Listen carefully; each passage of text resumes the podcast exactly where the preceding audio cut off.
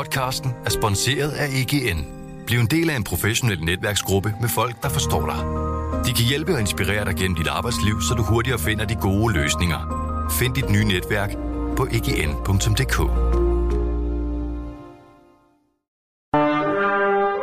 Du lytter til Radio 24 Og den original taleradio.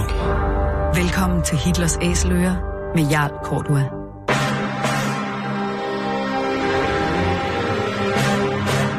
Velkommen til programmet Hitlers Æseløer, et program om bøger om den anden verdenskrig. Mit navn er Jarl Cordua.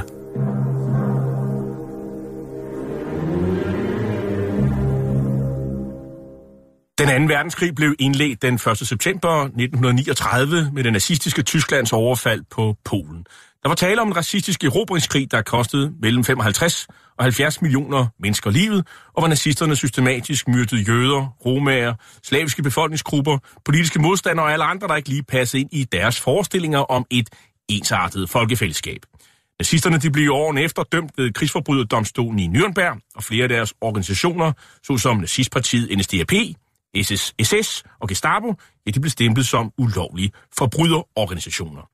I den her serie, som vi har valgt at kalde for Hitlers æsler, præsenterer vi nogle af de mange bøger, som i disse år udkommer om den anden verdenskrig. Nu skal jeg lige forberede jer lytter på, at øh, nu kommer der en eksplosion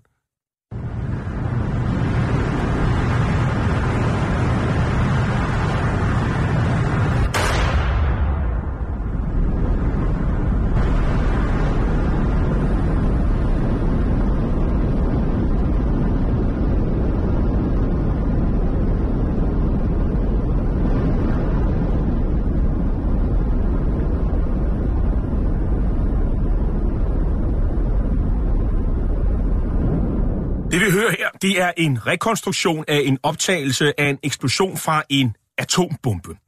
Den 9. august 1945 kl. 11.03 om formiddagen, eller der smed et amerikansk B-29 bombefly med navnet Boxcar en atombombe lavet af beriget plutonium 239, og den detonerede 469 meter over det sydlige japanske industri- og havneby Nagasaki.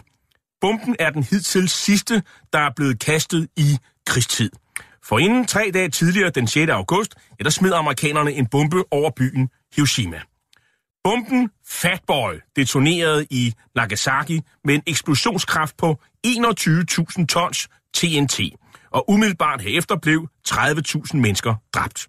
Måneder senere opgjorde myndighederne antallet af omkomne i Nagasaki til 74.000, og dertil kom 75.000 sårede. Mange af dem fik frygtelige skader, især brændsår, som de måtte leve med resten af livet. Men ikke alene blev de overlevende for bomben ramt på krop og sjæl. De måtte også leve med diskrimination i det japanske samfund som såkaldte Hibakshars, atombombeofferne, som mange japanere gik en stor bue udenom. Bogen Nagasaki, livet efter atomkrigen, der er udkommet på forlaget Presto, fortæller den amerikanske forfatter Susan Southard Japans historie under og efter atombomberne gennem fem atombombeoffer, som hun har interviewet set i deres liv. Nu skal jeg byde velkommen til dig, Flemming Ytsen, mangeårig journalist og asienkorrespondent på Dagbladet Politikken, og i dag er blandt andet også øh, rejseleder for selskabet Victor Svarmor. Det er rejser til Asien.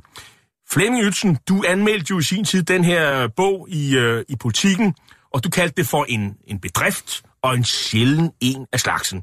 Hvad er det, der gør den her bog enestående? Fordi øh, jeg kan se, at forfatterne er jo, er jo ikke historikere. Nej, det usædvanlige er, at det er en vesterlænding, en amerikansk øh, kvinde, som ikke er faghistoriker, men arbejder inden for teater og manuskriptskrivning, øh, som har kastet sig ud i dette, må vi sige, voldsomt ambitiøse projekt, det er at så at sige efterspore og kortlægge og beskrive øh, de menneskelige virkninger af dette voldsomme angreb i sin tid. Øh, det hører med i historien om hende, at hun øh, som teenager, som 16- eller 17-årig, øh, kom til Japan og øh, boede øh, længe og lærte sig sproget og er vendt tilbage til Japan, har et stort, stort netværk af venner, som hun trækker på, og har selvfølgelig kunnet holde sine sprogkundskaber ved lige, og indlysende nok har hun så udviklet en dyb interesse for japansk historie, og ikke mindst japansk selvforståelse. Og der, hvor jeg mener, at øh, øh, bogen skiller sig ud, det er jo altså, at ja, det gør den jo alene derved, at der stort set ikke er oversat noget fra japanske skribenter og forfattere, som har taget fat på det her. Øh, det har nok lidt at gøre med, at øh, emnet jo i årtier efter 45 blev offer for en slags politisering, kan man sige.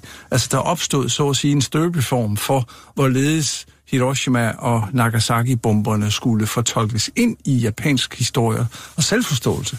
Og der kommer hun så udefra, kan vi roligt sige, som amerikaner, øh, og opsøger disse ofre og fortæller deres historie i en enorm detaljerigdom. Og ikke rigtig bundet af de indlysende politiske hensyn, øh, som, eller intellektuelle, litterære hensyn, som har præget anden historieskrivning. Ikke? Øh, og så skal jeg så have med der, at hun sådan set, lidt ærgerligt, synes jeg, ikke tilbyder noget af den alternative fortælling. Øh, men det er heller ikke hendes projekt. Hun er ikke en faghistoriker af den slags, der går ind og diskuterer for eksempel alternative scenarier. Øh, hvad synes koreanere, kinesere og andre asiater om den japanske adfærd? Det er ikke hendes ærne, men hun når altså meget, meget langt i beskrivelsen. Øh, jeg vil næsten kalde hendes bog et humanitært projekt fordi hun altså får forklaret, hvordan, øh, hvor stor en omkostning disse mennesker har måttet øh, betale.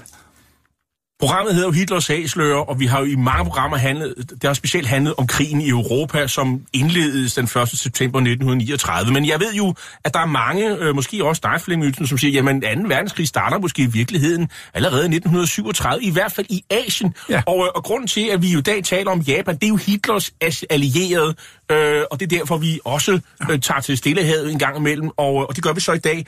Øh, og, og hvorfor kan man argumentere for, at at, at krigen, 2. verdenskrig, starter måske allerede i, i 37? Og, må, og måske starter den i virkeligheden i 1931. Øh, det er lidt et fortolkningsspørgsmål.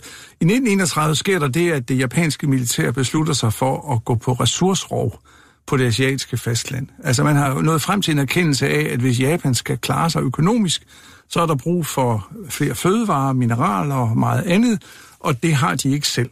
Øh, og i stedet for, og, øh, som de gjorde efter krigen, at etablere civile handelsruter, og opbygge industrier og så videre, så lader de altså militæret gå i land i et hjørne af Kina, som var øh, sige, noget dårligt kontrolleret, fordi Kina var i borgerkrig. Så de tager Manchuriet, det gamle Kinas øh, klassiske industri- industriområde, og, og skaber en lydstat, som de kalder Manchukuo.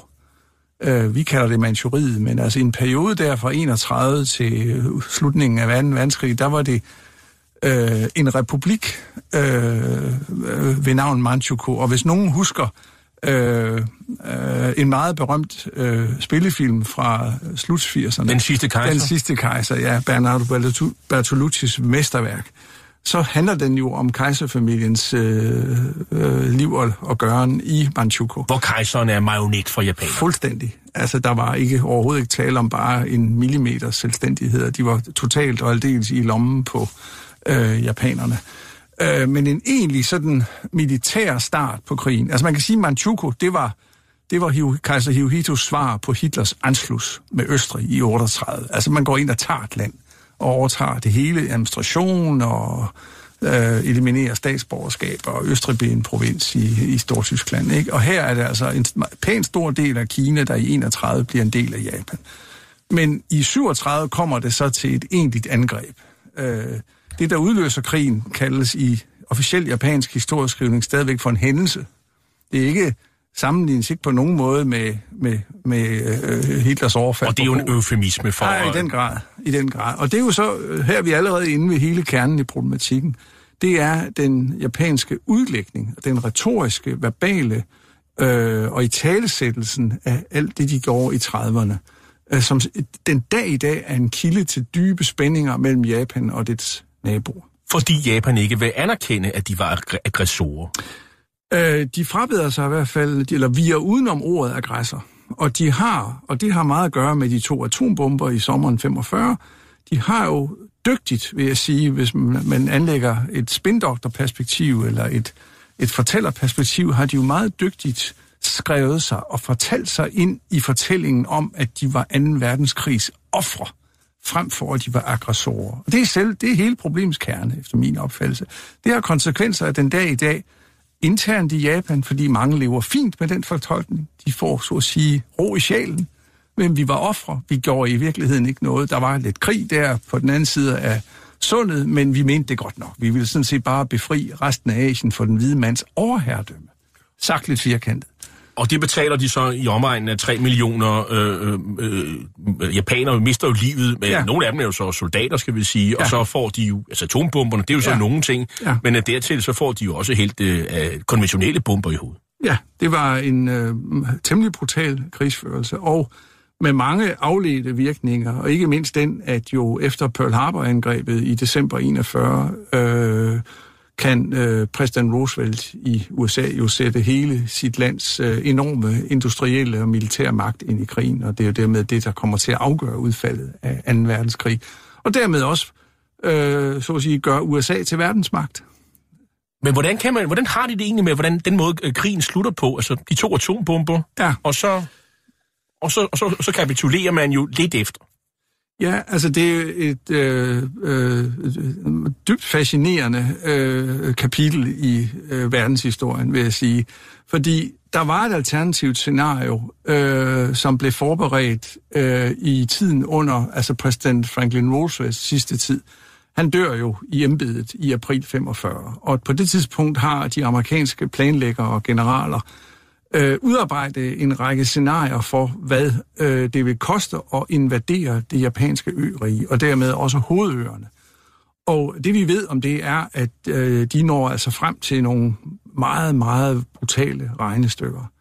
Øh, hvilket kan se lidt underligt ud, fordi hvad ved, vi ved jo, at øh, i foråret 45 havde det amerikanske luftvåben jo godt og grundigt fået ødelagt en meget stor del af den, øh, Japans industrielle kapacitet øh, øh, om man havde nedkæmpet japanske øh, befæstninger øh, på de stillehavsøer, de besattes. Øh, Okinawa øh, kom som noget af det sidste, Saipan meget, meget blodig svag. Men det, der gjorde udslaget hos de amerikanske planlæggere, var jo, at de så, i hvor høj grad japanere, og ikke kun det japanske militær, altså soldaterne, men også civile japanere, var villige til at ofre sig. Man så jo nærmest kollektiv selvmord hos civilbefolkningerne, på Saipan og Okinawa. Og det fortalte, så at sige, det var det, som øh, amerikanerne tolkede ud af det, var jo altså, at japanerne har en offervilje, som ikke ligner noget, man kendte fra krigsmodstanderne i Europa. Og et tal bliver nævnt, en million amerikanere, skulle man måske lade livet, før man øh, ja, var i mål? Ja, mindst en halv million, og, og, og øh, det kunne hurtigt, hvis man skulle så sige, kæmpe fra hus til hus på de japanske hovedøer, så ville det løbe op i noget i den retning der. Og, der og, var... det, og det er så argumentet også, man bruger senere hen for, ja. for at retfærdiggøre, at man smider to atombomber. Præcis. Altså selve Manhattan-projektet, som det jo hedder, selve den videnskabelige del af atomvåbenprogrammet, begynder i 1939 under Roosevelt. Og der har, er der ikke noget, der tyder på, at de har planlæggerne har nogle fuldstændig klar forestilling om, hvad det ender med. Sådan er det jo ofte med videnskab, ikke? Men, men hen under øh, 1944-45, altså året op til krigsafslutningen, der begynder det at stå klart for de amerikanske planlæggere, at de står med et altså historiens mest øh, ultimative våben, kan vi roligt sige. Ikke? Og det bliver... Det, man tvivler på, at det overhovedet når at blive præsenteret for Roosevelt, inden han dør. Han var så svækket de sidste 3-4 måneder, og var i øvrigt jo øh, øh, altså optaget af de sidste møder, han kunne nå og, og, og deltage i, i Alta og Teheran og sådan noget. At, at han har formentlig, har han ikke nået at så at sige forholde sig øh, særlig klart eller skarpt til det projekt, der lå. Men i midten af april, øh, da han pludselig dør, øh, og vicepræsident Harry Truman kommer ind, Øh, der øh, er planlæggerne i, i Forsvarsministeriet, altså det vi i dag kender som Pentagon, de er meget hurtige til at fortælle ham, at de har altså noget, som kan, øh, de har et våben, som de mener øh, kan øh, forkorte krigen. Og det er det, der er hele sigtet. Det er at få, få afsluttet øh, Stillehavskrigen. Og det er øh, Truman, der træffer den beslutning? Ja, det interessante er, jeg har for nylig været i, øh, i Berlin, i der hvor øh, Potsdam-konferencen, det er en lille forstad til Berlin, i, i øh, Sicilienhof, hvor øh, Truman og Churchill og Stalin og, og deres øh, øh, folk militærfolket, de jo holder mødet, og så har jeg fået, så at sige, læst mig ind på det forløb. Det var et meget langvejt forløb i juli 45. Og øh, med øh, nogle resultater, som jo øh, ikke var helt efter den bog, som Churchill havde ønsket sig. Han måtte jo afløses af Øh, Clement Attlee, Clement Attlee fordi, fordi, fordi han, han tabte et alt hjemme, hjemme i Storbritannien. Så, men men øh, øh, Truman tager, forlader Potsdam og tager jo på den langsomme måde hjem gennem Europa i bil, øh, fly, og så fra, øh, fra, fra England og, og med skib til USA. Og, og øh, under den rejse hjem fra Europa, der bliver det telegraferet ind, at man har lavet øh, den første prøvesprængning af kernevåbnet overhovedet i New Mexico. Og han får at vide, at det er, har været en vellykket prøvesprængning. Og det er formentlig der, han jo øh, overbeviser øh, sig selv og sine nærmeste rådgiver om, at øh, jamen, nu har vi våbnet. Nu kan vi, nu kan vi simpelthen afslutte øh, af Stillehavskrigen hurtigere, end vi havde øh, troet. A short time ago, an American airplane dropped one bomb on Hiroshima and destroyed its usefulness to the enemy. That bomb has more power than 20,000 tons of TNT. The Japanese began the war from the air at Pearl Harbor. They have been repaid many-fold, and the end is not yet. With this bomb, we have now added a new and revolutionary increase in destruction to supplement the growing power of our armed forces. In their present form, these bombs are now in production, and even more powerful forms are in development.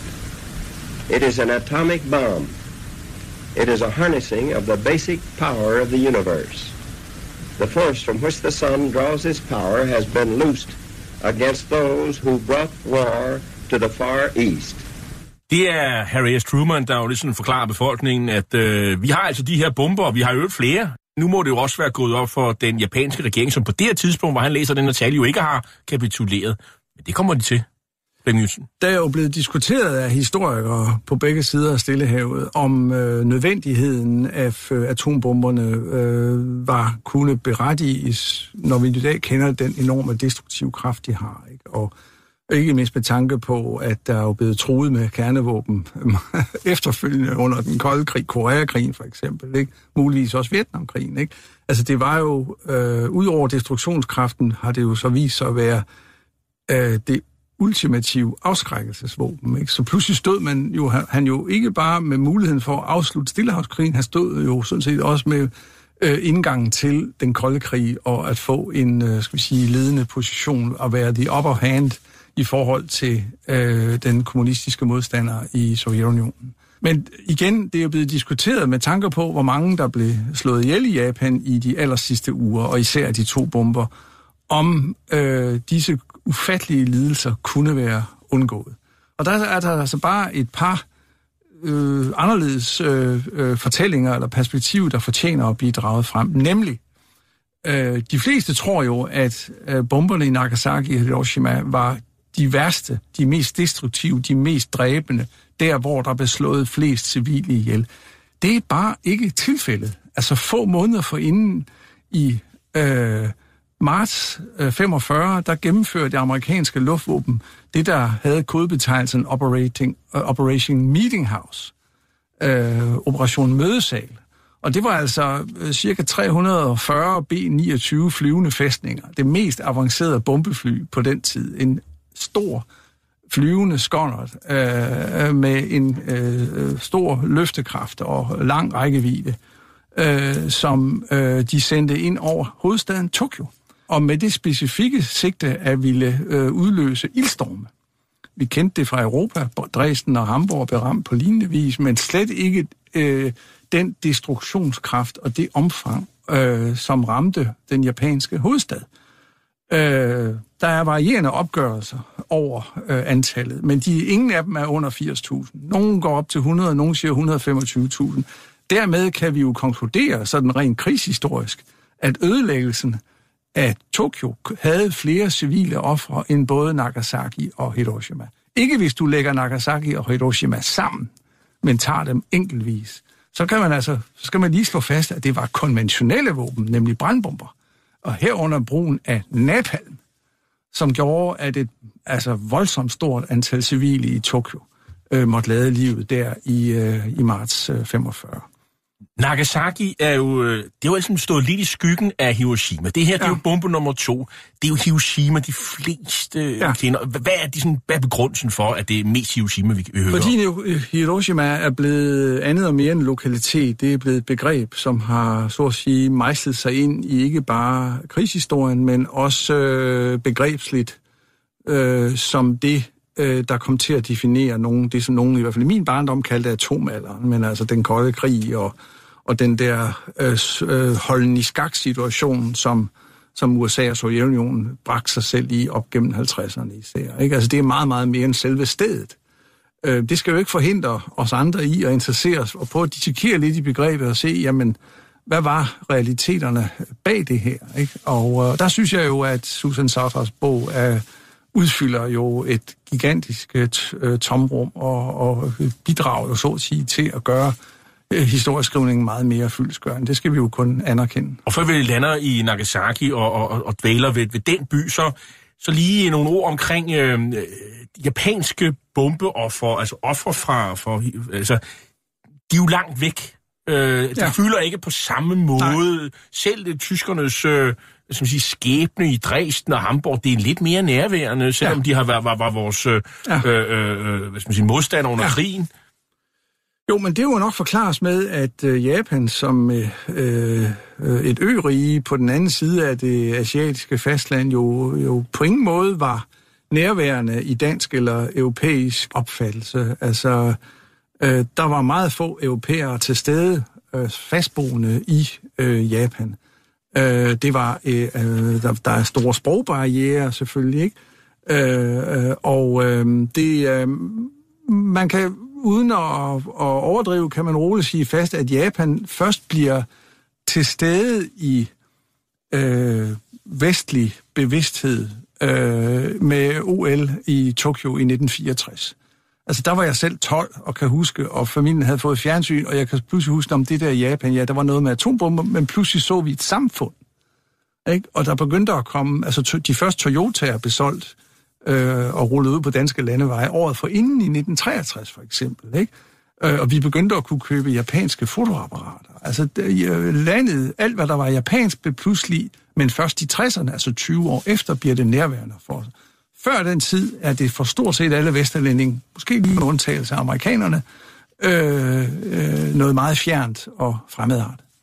Nagasaki, før jeg læste den her bog, Flemming så havde jeg overhovedet intet billede af Nagasaki. Nej. Hvor ligger byen, og hvad er det for en by på det her tidspunkt? I, uh, i den ligger jo uh, sydligere i forhold til uh, Hiroshima, uh, og er ligesom Hiroshima en havneby. Uh, og det er det sydlige Japan, vi er i. Ja, ja uh, vi er sådan set ude i udkants Japan, kan man sige.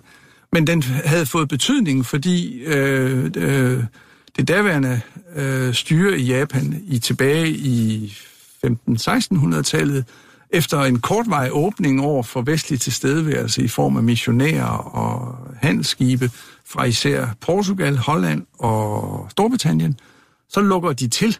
Altså der kommer pludselig et kejserdømme og et shogunat, altså shogunen, der siger, at øh, den der, de der vesterlændinge, de skal ikke komme ind og præge os alt for meget. Øh, og man lukker faktisk landet for kontakt med omverdenen i et par hundrede år. Men holder en lille dør, en lille port åben. Den port, det er Nagasaki. Altså der beholder man, øh, på trods af, at der på et tidspunkt er en, øh, en forfølgelse af vestlige missionærer, altså portugisiske missionærer og munke bliver, for, bliver halshugget og hængt op i lygtepæle eller træer, eller hvad det var, de havde dengang. Ikke? Altså, der er et antivestligt øh, strømning, som gør det øh, Japan til et ubehageligt og direkte farligt sted at være. Men altså, Nagasaki har den der særstatus, hvor øh, skibe udefra, kinesiske, hollandske, engelske osv., kan få lov at lægge til, skibe deres varer af, og hvor den japanske elite kan sige, nå ja, lad os lige se, hvad de kan lave der i udlandet, om det er noget, vi kan lære af. Det er sådan en forsøgsstation. Det kan man godt kalde det, ja. Så det, men alt ændrer sig jo i 1850'erne, da en amerikansk flådekommandant, der hedder Matthew Perry, ankommer med en håndfuld, øh, en flåde på en 5-6 skibe, The Black Ships bliver det kaldt, og altså affyrer nogle skræmmeskud i Tokyo-bugten og andre steder, og pludselig så ser japanerne ingen anden udvej end at lukke landet op. Så, så Nagasaki er historisk set øh, den mest vestlig orienterede by og kristne by. Der er mange kristne. Ja, og, ja, øh, ja, præcis. Øh, ja, og derfor kan man, sige, kan man sagtens øh, argumentere for, at den skiller sig ud i forhold til sammenlignelige industri- eller havnebyer i Japan. og hvad ligger der sådan en spændende industrier, som måske er interessant sådan i krigsmæssige øh, Jamen, der, altså, den største våbenproducent i Japan overhovedet, nemlig Mitsubishi, de havde store fabriksanlæg der. Øh, men øh, af lige så stor betydning er det jo nok, at der var et flådeakademi. Altså Japan fik jo efter, at man begyndte at modernisere fra 1868 og frem efter, under det vi kalder Meiji-reformerne, der skulle der jo pludselig bygges stort, fordi man skulle ud og erobre havene. Øh, og, derfor, og der kommer så et, et, et flådeakademi op øh, i Nagasaki. Og vi skal så huske, at konsekvenserne af den kapacitetsopbygning, den får jo konsekvenser i 1895, da de erobrer Taiwan fra det kinesiske kejserdømme. Og i 1904-5, hvor de altså banker øh, og sænker den russiske flåde. Altså zaren lider jo et, øh, et forsmedeligt nederlag til søs i 1904-5. Altså der, der begynder i hvert fald på det militære område og på et afgørende tidspunkt øh, for Europa, hvor man begynder at frygte, hvad zaren kan finde på, der øh, får, øh, træder Japan i karakter som militærmagt. Det, der er lidt, det, der er lidt spøjst øh, ved at læse bogen, det her, det er, at, øh, at Nagasaki er faktisk øh, et sekundært mål for amerikanerne. De havde planlagt at øh, smide bomben over en by, der hedder Kokura, som ligger Ja. øh, 125 km derfra. Ja. Men der er, der er så overskyet den dag, øh, så det kan man ikke lige. Ja. Øh, og så, så prøver man så Nagasaki på vejen hjem. Man rammer ikke helt præcis, hvor man havde regnet med. Nej. Det er sådan lige øh, et par kilometer fra, hvor man, hvor man havde Ja. regnet med, at man skulle, man skulle kaste Ja. bomben. Øhm, og hvad sker der jo så umiddelbart efter, at bomben kastes? Det er jo... Altså, Nagasaki er jo på det her tidspunkt jo karakteriseret ved, at der er meget tætbyggede træbygninger, Jo. og det gør jo, at katastrofen øh, er jo... Øh, at, øh, fordi der også kommer nogle ildstorme, Jo. så byen brænder jo ned, øh, efter Ja. man har Jo. øh, bomben blevet kastet. Jo, jo. Jo, altså øh, igen kan man sige, at tilfældighederne spiller ind her. Altså som du selv var inde på, så var det ikke det, et af de primære mål. Der var oprindeligt fire til fem. Kejserbyen Kyoto, vil jeg lige nævne, øh, som jo kendes af mange danske turister. Den var også på en tidlig liste over våben, men det er jo interessant er her, at den amerikanske krigsminister Henry Stimson, han beordrede den pillet af, fordi han havde været på bryllupsrejse der i 30'erne. Så Kyoto skulle sandelig ikke bombes. Det, var, det, var, det tror jeg, mange turister er, er glade for, for Ja, i dag. men sådan er det jo tit, at tilfældighederne spiller ind. Øh, og Kokura og, og, og, og Nagasaki, altså det har, tror jeg, noget at gøre med den aktionsradius, som B-29-bombeflyet havde. Altså de, skulle, de havde jo kun meget, meget få indflyvningsforsøg, fordi den slags koster brændstof. Ikke? Og, og vejrforholdene var de dårligst tænkelige. Og vi ved fra en af besætningsmedlemmernes efterfølgende vidnesbyrd, altså i det fly, der kastede bomben, at øh, de var inde over et par gange, og de var nærmest på nippet til at opgive. På et tidspunkt er der så, øh, begynder skyerne at, at sprede sig, og pludselig kan de så se Nagasakis vedløbsbane. Og så sigter de ind efter det og kaster bomben. Fordi det var det eneste, så at sige, stykke fysiske infrastruktur, de kunne bruge. Og, og så smed de bomben. Yesterday, December 7th, 1941, a date which will live in infamy. The United States of America was suddenly and deliberately attacked by naval and air forces of the Empire of Japan. Du lytter til Hitlers Æseløer på Radio 24 et program om bøger om 2. verdenskrig med Jarl Cordua.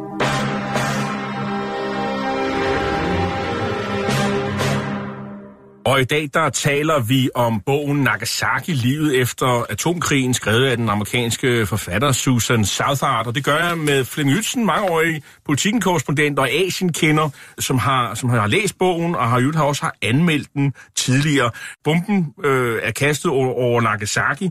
Bogen beskriver frygtelige scener af, af de øh, ret få overlevende, fordi jo tættere man er på, jo større øh, mulighed er der faktisk for, at man omkommer. Øh, så vi ved faktisk ikke, dem der er aller tættest på, de er simpelthen ikke i live til at, at forklare, hvad der, der foregår. Vi kan i hvert fald se på de billeder fra øh, nedkastningsstedet, at det er totalt plant. Der står stort set ikke en kvist. Der står ikke et hus. De mennesker, som øh, overlever, har frygtelige forbrændt. De forbrændt øh, og de får senere hen øh, stråleskader, øh, som gør, at, øh, at det er meget svært at overleve, hvis man har været tæt på den her øh, øh, bombe. I umiddelbart efter kommer folk ind og skal øh, kigger efter deres hjem. De kan jo stort set ikke genkende deres hjem. De, hvis, de, hvis de ser deres kære, så er det sådan nogle askedynger, hvor de kan måske genkende dem på, på noget tøj eller smykker eller et eller andet. Øh, folk er simpelthen smeltet øh, undervejs. Der er en, en, en scene, som er frygtelig at læse øh, om, øh, om to øh, mænd, der har, kommer tilbage og, og, og ser deres familie. Og de kan ikke, de, de ved nogenlunde, hvor de er, men de er ikke klar over, at den der dynge aske, om øh, hvis kone det er. Og det slås de så om. Jeg, man kan næsten næppe forestille sig en mere absurd og rystende situation. De mennesker, som skulle hjælpe den, altså hele infrastrukturen, hospitaler, hele det som siger, system, der skulle hjælpe op, de er også væk. Lægerne er væk, sygeplejerskerne er væk, vejene er væk, der går ikke nogen sporvogn derude, og myndighederne er jo faktisk ikke klar over, hvad der foregår. De, den guvernør, der er i Nagasaki, han tror, at der er tale om et, øh, et konventionelt øh, angreb. Øh, han hører ikke rigtig noget. Det er jo klart, der er jo ikke nogen linje derud til, til, hvad der foregår. Så i lang tid, så er man ikke klar over, hvad der er der foregået. Det, der også er absurd, det er, at de mennesker, som der findes faktisk nogle mennesker, og det lyder helt utroligt, som har oplevet Hiroshima-bomben, som er flygtet til Nagasaki. Så der er altså, der er altså en, et par håndfulde mennesker, som oplever øh, to atombomber, øh, og også oplever det til at kunne fortælle det. Øhm, det er også en af de der øh, helt vanvittige øh, historier. Øhm, der er også allierede krigsfanger i Nagasaki. Der er en hel del koreanere, de er meget tæt på bomben, og de, mange af dem øh, øh, omkommer simpelthen. Meget sent i processen går det jo så op for de japanske myndigheder, hvad der, der foregår. Men i den japanske regering, der, der går pågår en diskussion om, hvordan man skal overgive sig, øh, og man er faktisk ret lang tid til at finde ud af, øh, hvornår man skal overgive sig. Hvad, hvad, hvad er egentlig problemet her, øh, Flemming Jensen? Øh, det sidste år i krigen er der en øh, begynder det japanske, den japanske militær, det japanske militærstyre, for det var det, det var. Det var jo ikke et øh, system, der øh, ligner øh, det, ja, Japan siden fik, og der var jo ikke engang et politisk parti som nazistpartiet, der kunne, så at sige, mobilisere fra neden. Øh, det var meget øh, et opgør mellem forskellige øh, klaner, fraktioner. De, der, nogen repræsenterede aristokratiet, øh, andre forskellige dele af embedsapparatet, og så de særinteresser, som jo var placeret i byråkratiet, hvad enten det var krigsministeriet, flådeministerium, selv sådan noget som uddannelsessektoren betød noget, fordi den havde ansvaret for at indoktrinere befolkningen, så den fik den rette øh, offervilje, moral og øh, kampmoral nok til, at de uden at tøve ville sende deres øh, sønner, og i nogle tilfælde også døtre i krig. Ikke? Øh, nej, øh, der er en interessant situation det, i året op til atombombernes nedkastning, nemlig at den øh, regeringschef, øh, altså statsminister, premierminister, som også var øh, krigsminister, Hideki Tojo hed han, og han blev efterfølgende dømt ved Tokyo-processerne, der kørte fra 1946 til 48 han kommer han bliver marginaliseret, altså kommer i mindretal i disse, i disse infights, der foregår i krigsrådet, og må gå af i øh, sommeren 44. Øh, og fra, vi, fra det vi ved øh, øh, fra historieskrivningen, så øh, forsøger han så, som mange andre øh, byråkrater i sådan et spil, at, at, at tilkæmpe sig sin plads som den egentlige øh, mand for bordenden i. Og den eneste måde, han kan gøre det på, det er og så at sige at læne sig op af øh, krysantemumtronen, altså kejser Hirohito. Øh, og det lykkes ikke rigtigt. Øh, der er øh, et, et vakuum, øh, som tager noget tid at udfylde, og de ender så med en kompromiskandidat, som sidder. De fleste i historieskrivningen er dog enige om, at Tojo øh, er den, der reelt bestemmer hele vejen. Men der er også tolkninger i retning af, at øh, at det japanske krigskabinet altså, havde slået så mange revner, at det var ved at falde fra hinanden. Ikke? Hvem træffer beslutningen om at nu kapitulere? Er det kejser Hirohito? Han var jo en, øh, en guddommelighed i, i japansk selvopfattelse, ikke? Øh, og usynlig for befolkningen. Øh, og øh, der var meget, meget få i embedsværket og i den militære klike, der overhovedet havde adgang til. Og altså, øh, da det så lykkedes i de afgørende øh, dage der i øh, august, ja, så øh, er Hirohito temmelig utvetydig. Han siger, Nu er der ingen vej tilbage. Nu må det handle om at redde den japanske nation. Der er også historikere skriver, der siger, jamen øh, Hirohito inspicerede Tokyo efter brandbumpningerne øh, i foråret, og, og blev så påvirket af det, han så, at han begyndte sådan at berede sig på, at, øh, at nu skulle Japan altså indstille sig på et krigsnederlag. Det kan selvfølgelig være en efterretning. Og det, og det, man skal forstå her, det er jo altså, at, øh, at det, var simpelthen forbudt for japanske soldater at overgive sig. Det, ja. det, det måtte de ja, simpelthen ikke. Det måtte og, de ikke, nej. Og, og man havde ført en propaganda over for befolkningen ja. om, at fjenderne var simpelthen bestialske. Jeg tror roligt, man kan slå fast, at i de amerikanske planlæggers optik, der var det, var det op, opfattelsen, at de, man ville møde en mere fanatisk modstander, end da man rullede over Europa, øh, General Patton og så videre, og Montgomery. Altså det, de ville møde af modstand fra civile, ville være så meget voldsommere, øh, at, øh, at det ville være, øh, altså en, være brutalt i dimensioner, som jo øh, overs, ville komme til at overstige den modstand, de mødte i, øh, i Tyskland på samme tid. Det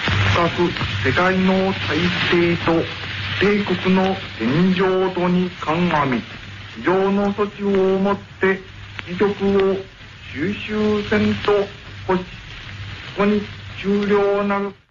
Det vi hører her, det er kejser Hirohito den 15. august 1945, øh, der holder en tale i radioen, hvor han øh, erklærer, at øh, nu erklærer Japan sig, eller nu overgiver Japan, Japan sig til de allierede. Og det er altså første gang, at man ude ved krystalapparaterne hører øh, kejseren. Og det er et lidt specielt øh, øjeblik øh, for, for japanerne.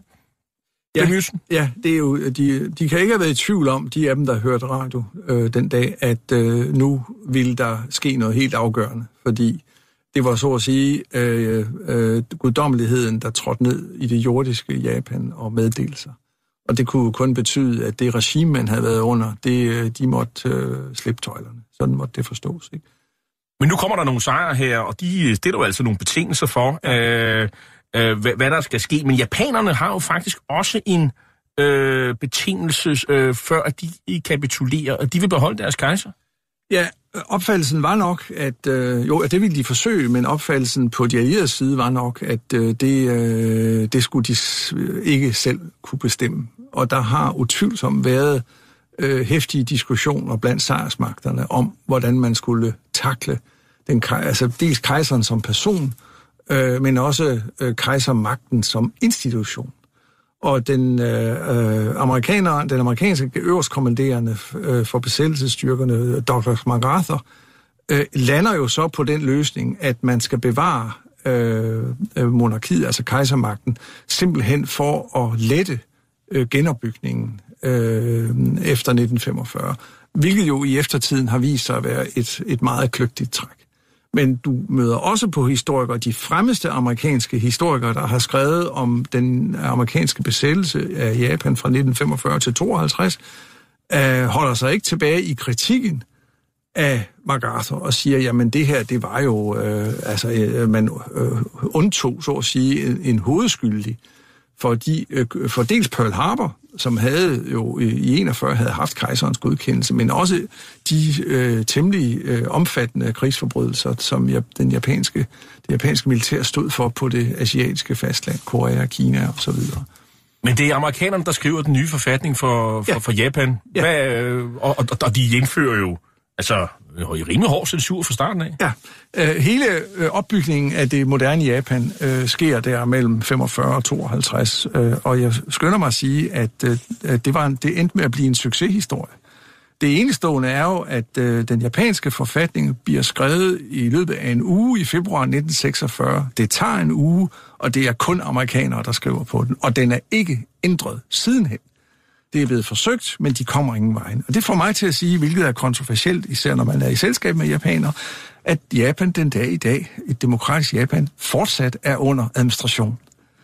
Måske på en lidt indirekte måde, men de har ikke selv skrevet den forfatning, og de har ikke rigtig kunne ændre på den siden 1946. I now invite the representatives of the Emperor of Japan and the Japanese government and the Japanese Imperial General Headquarters to sign the instrument of surrender at the places indicated. Mr. Shigemitsu comes to the surrender table. These dramatic first pictures were made by newsreel war correspondents and Army and Navy cameramen and were specially flown back from Tokyo. The time is 9.05 a.m. The Japanese have been on board exactly 10 minutes. Meget dramatisk her. Det er General MacArthur, der fortæller, at japanerne I skal skrive under her, og det foregår på, øh, øh, på Missouri, som er et flådefartøj. Det er i Tokyo-bugten den 2. september 1945. Det er sådan, øh, man kan høre, der er amerikansk propaganda, der siger, der er, det er betingelsesløs øh, kapitulation. Ja. MacArthur, han styrer Japan, og Ja, og, så det. og jeg stod lige der for to år siden, da jeg øh, besøgte øh, Pearl Harbor på Hawaii, hvor skibet er ankret op, og i dag er museumskib. Jeg kan meget anbefale det.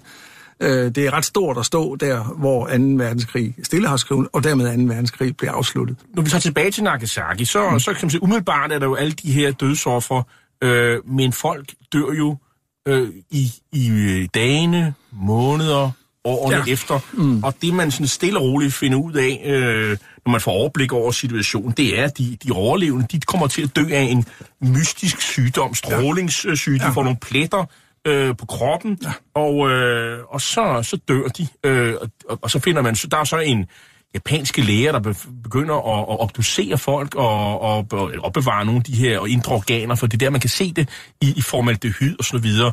Og man begynder at lave de samme første rapporter, men det og, og, og, og, og det er jo meget kontroversielt. Der er censur i Japan. Øh, man kan ikke tale offentligt om, øh, hvad det er, der foregår. Mm. Øh, fordi amerikanerne ikke øh, tillader øh, den, den frie presse. Øh, men alligevel så kommer der jo nogle amerikanske journalister, faktisk, øh, og en australsk journalist, de er der ret tidligt. De tager billeder, de, øh, de, de, de finder simpelthen ud af, hvad, hvad der er.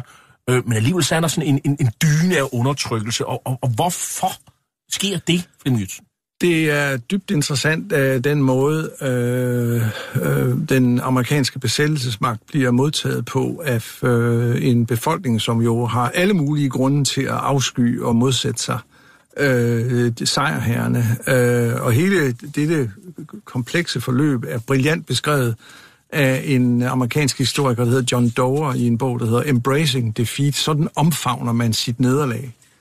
Øh, og øh, det er sådan et, øh, også et studie i øh, japansk politisk psykologi, og den meget enkle fortolkning af det, han når frem til i denne historie, det er, at øh, det går op for japanerne, at, at øh, MacArthur øh, ikke vil røre kejseren, og at, altså bevare den helligste, trods alt stadigvæk helligste institution, og men det kun er symbol magtpolitisk, kan man sige. Øh, han bliver, kejseren bliver frataget reelt politisk magt så skaber det en sådan lettelse i befolkningen, at de jo nærmest ender med at omfavne øh, de amerikanske soldater. Øh, nærmest bogstaveligt. Der findes jo blandt andet på spillefilm, den berømte instruktør Akira Kurosawa har lavet nogle film i slut 40'erne og start 50'erne, der beskriver det, det sociale kaos, som er i de japanske storbyer, med, men altså, hvor også øh, resultatet bliver en øh, øh, øh, øh lang række amerikansk-japanske øh, ægteskaber fordi, øh, hvad hedder det, øh, der er adskillige øh, øh, amerikanere, der ender med at tage en, øh, en japansk kæreste, elskerinde, med hjem og gøre hende til sin ægte hvide hustru. Ikke? Altså, det er sådan lidt sat lidt på spidsen, men dog udtryk for, at, øh, at der skete et mentalitet et, eller, eller skifte i befolkningen. Igen, de havde grund til at have amerikanerne, og de ender med at omfavne dem politisk, socialt og i nogle tilfælde følelsesmæssigt. Med den konsekvens i de efterfølgende årtier, og måske helt op til i dag, at jo øh, USA's tilstedeværelse i Japan øh, militært jo er accepteret. Altså, der er jo, det er jo stadigvæk en vigtig bastion, øh, et baseområde for amerikanske øh, faciliteter, og dermed vigtigt for USA's opretholdelse af sin øh, supermagtstatus i øh, Stillehavet. Så man kan sige, det det, der blev gjort, det er, at man reddede kejseren, da øh, Tokyo-processerne skulle løbes i gang. Øh, Hirohito kom jo aldrig for nogen ind i noget forhør. Altså, han slap jo. Straffrihed vil vi kalde det i alle mulige andre sammenhæng. Tænk, hvis noget lignende var blevet gjort i Nürnberg, da nazisterne skulle dømmes. Ikke? Øh, men det har altså givet nogle, en enorm politisk bonus efterfølgende. Øh, og også bidraget til at sikre Japans øh, opbygning økonomisk, øh, dets velfærd, dets politiske stabilitet osv. Så, så det kunne ingen vide i, i 647, 648. Der var alt i spil, kan man sige, men det gamble, som MacArthur gjorde, viste sig at være overordentligt kløgtigt. This great power has been given to us, and we should be ever humble and grateful that it was given to us rather than to our enemies. And all of us who have had a part in its development and in carrying out its use should dedicate our strength, our wealth, our brains, and even our very lives to see that it is always used for good and never for evil. Men vi hører her, det er generalmajor Leslie Groves, som er leder af Manhattan-projektet. Han siger her, at man skal være ydmyg og taknemmelig for, at USA har fået bomben, altså i forhold til, at hvis fjenderne nu fik den, øh, bare så længe, at man gør sig alle sine anstrengelser for at bruge den her bombe til gode formål og aldrig til det onde. Og man må sige, for de her mennesker, de her Hibak Shahs øh, og de bombe ramte, de overlevende, som den her bog jo i store træk handler om, jamen der er det jo et kontroversielt synspunkt, for de synes bestemt ikke, det var øh, en, en handlemåde. Mange af dem er jo, øh, lider jo øh, efterfølgende af de her øh, enorme skader fra, fra dem. Altså, øh, stråleskader har vi talt om, men de lider senere i livet af leversygdomme, de bliver tidlig, tidlig aldring, blod- og hudsygdomme, centralnervesystemet er ofte ødelagt, tandkødsygdomme, tænderne falder simpelthen ud hos mange af dem, forplantningsforstyrrelser øh, og sterilitet. De, hvis man har været gravid på det her tidspunkt,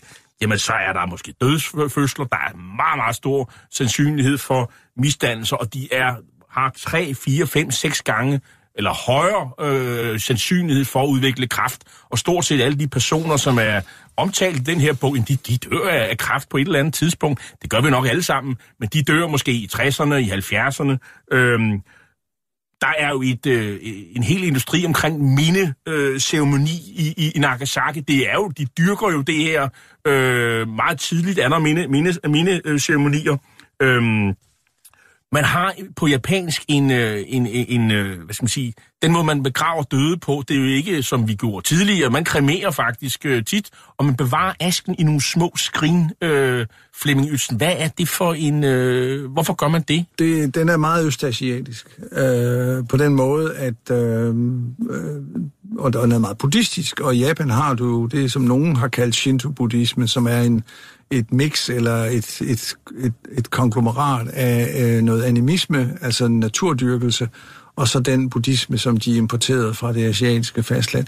Jeg tror, at fortolkningen er den meget enkle, at øh, alt, hvad der øh, er symboliserer familien, altså det er noget, man værner om. Altså ganske som i Korea og Kina og andre konfuciansk-buddhistiske samfund, så er øh, familien det, øh, den egentlige guddommelighed.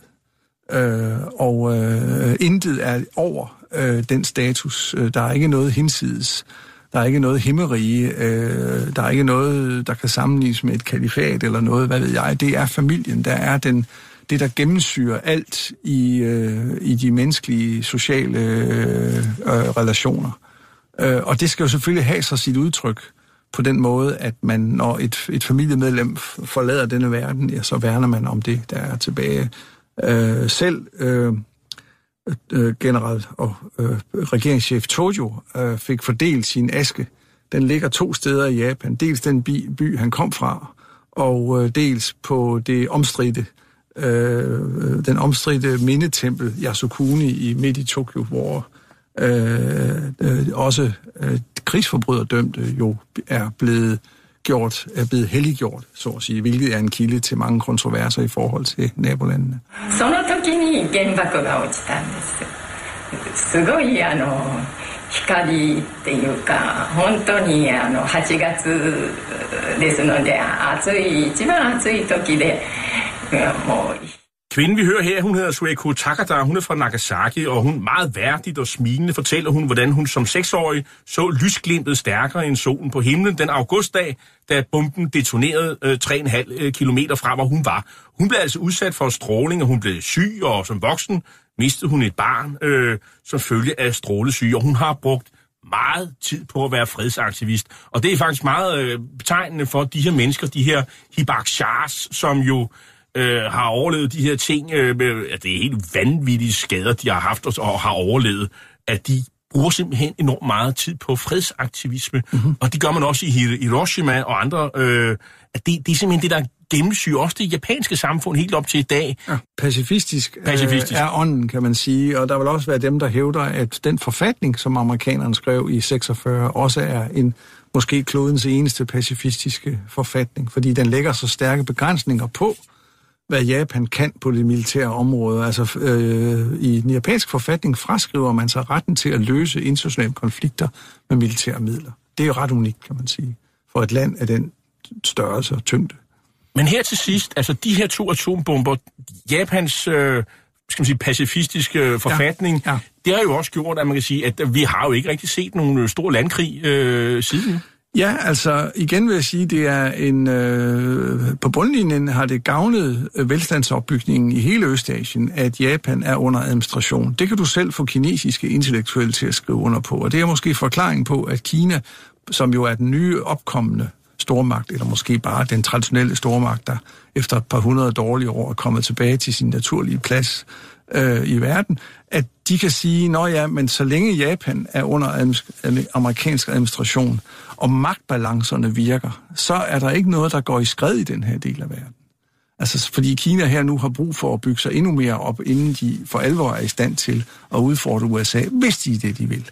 Men jeg synes, den afgørende pointe er også, at Japan, modsat Tyskland, har så at sige lykkedes med ikke øh, at, at forblive i den her offerrolle, og dermed ved en slags kollektiv fortrængning at undgå at blive stemplet som aggressor. Det er så noget af det, som kineser og koreanere så minder dem om, når man taler om Nanking 1937 og mange andre ting. Ikke? Men, men i den japanske offentlighed er den fortælling minimeret. Altså et, et drab som det, der øh, sker, øh, en serie drab som det, der sker i, det, i det den daværende i kinesiske hovedstad Nanking i december 37, hen over 4-5 uger, og koster 300.000. Og for det er japansk historieskrivning stadigvæk en hændelse. Den var nok ikke været gået, hvis noget tilsvarende var sket i Europa. Så japanerne har sådan set et, det dobbelt med, med, også med atombomberne, fordi man er, der er man offer, men, og så er det en anledning til at, at fortige, hvad skal man sige, de forbrydelser, man selv var øh, ansvarlig for. I hvert fald en slags, jo, delvis fortigelser og fortræng, men som jo på en måde har skabt ro i Japan. Altså, det her, Japan er jo politisk enormt stabilt, ikke? Der, altså, man vælger, og, og det er meget asiatisk, vil jeg sige, øh, der ligner japanerne på mange måder også kineserne, ikke? Altså, det er ubehageligt, man er ude for i fortiden. Det vil vi ikke høre for meget om. Vi ser fremad, og så indretter vi os på at få at skabe øh, bedre vilkår, levevilkår for fremtidige generationer. På det område ligner Japan og Kina hinanden. Tak skal du have, Flemming Ytsen. Du er Asien-korrespondent, tidligere Asien-korrespondent for, for, for Dagbladet Politikken og, øh, og Asien kender i øvrigt. Øhm, og vi har talt sammen om Susan øh, Southards bog Nagasaki, livet efter atomkrigen, der er udkommet på forlaget Presto. Hitlers æsler er slut for i dag. I teknikken sad Jens Marot, og jeg hedder Jarl Kordova og er vært og tilrettelægger programmet. Du kan genhøre dette program og de andre programmer i serien som podcast via radio247.dk. Atombomberne over Hiroshima og Nagasaki og den katastrofe, eller forbrydelse, om man vil, der overgik befolkningerne, har inspireret kunstnere, blandt andet også tonekunstnere. Her er et stykke moderne kompositionsmusik. Hiroshima Atomic Bomb 1945 for 52 strengeinstrumenter af den polske komponist Krzysztof Penderecki, der beskriver selve bumpningen. Hvis nogen synes, de kan genkende stilen, så er han også filmmusiker og har lavet musik til gyserfilm som Exorcisten og, og Stanley Kubricks Ondskabens Hotel. Vi kommer ind lige, mens bomben falder. Tak for i dag.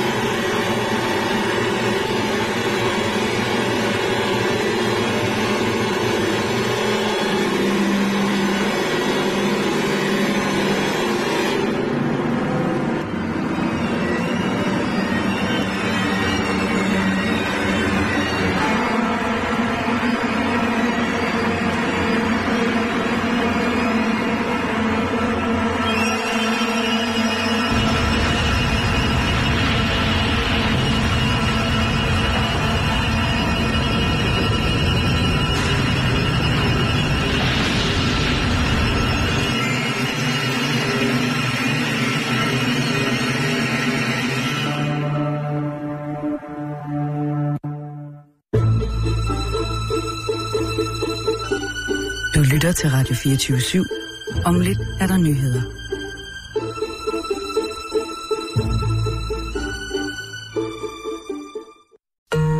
Podcasten er sponsoreret af EGN. Bliv en del af en professionel netværksgruppe med folk, der forstår dig. De kan hjælpe og inspirere dig gennem dit arbejdsliv, så du hurtigere finder de gode løsninger. Find dit nye netværk på egn.dk.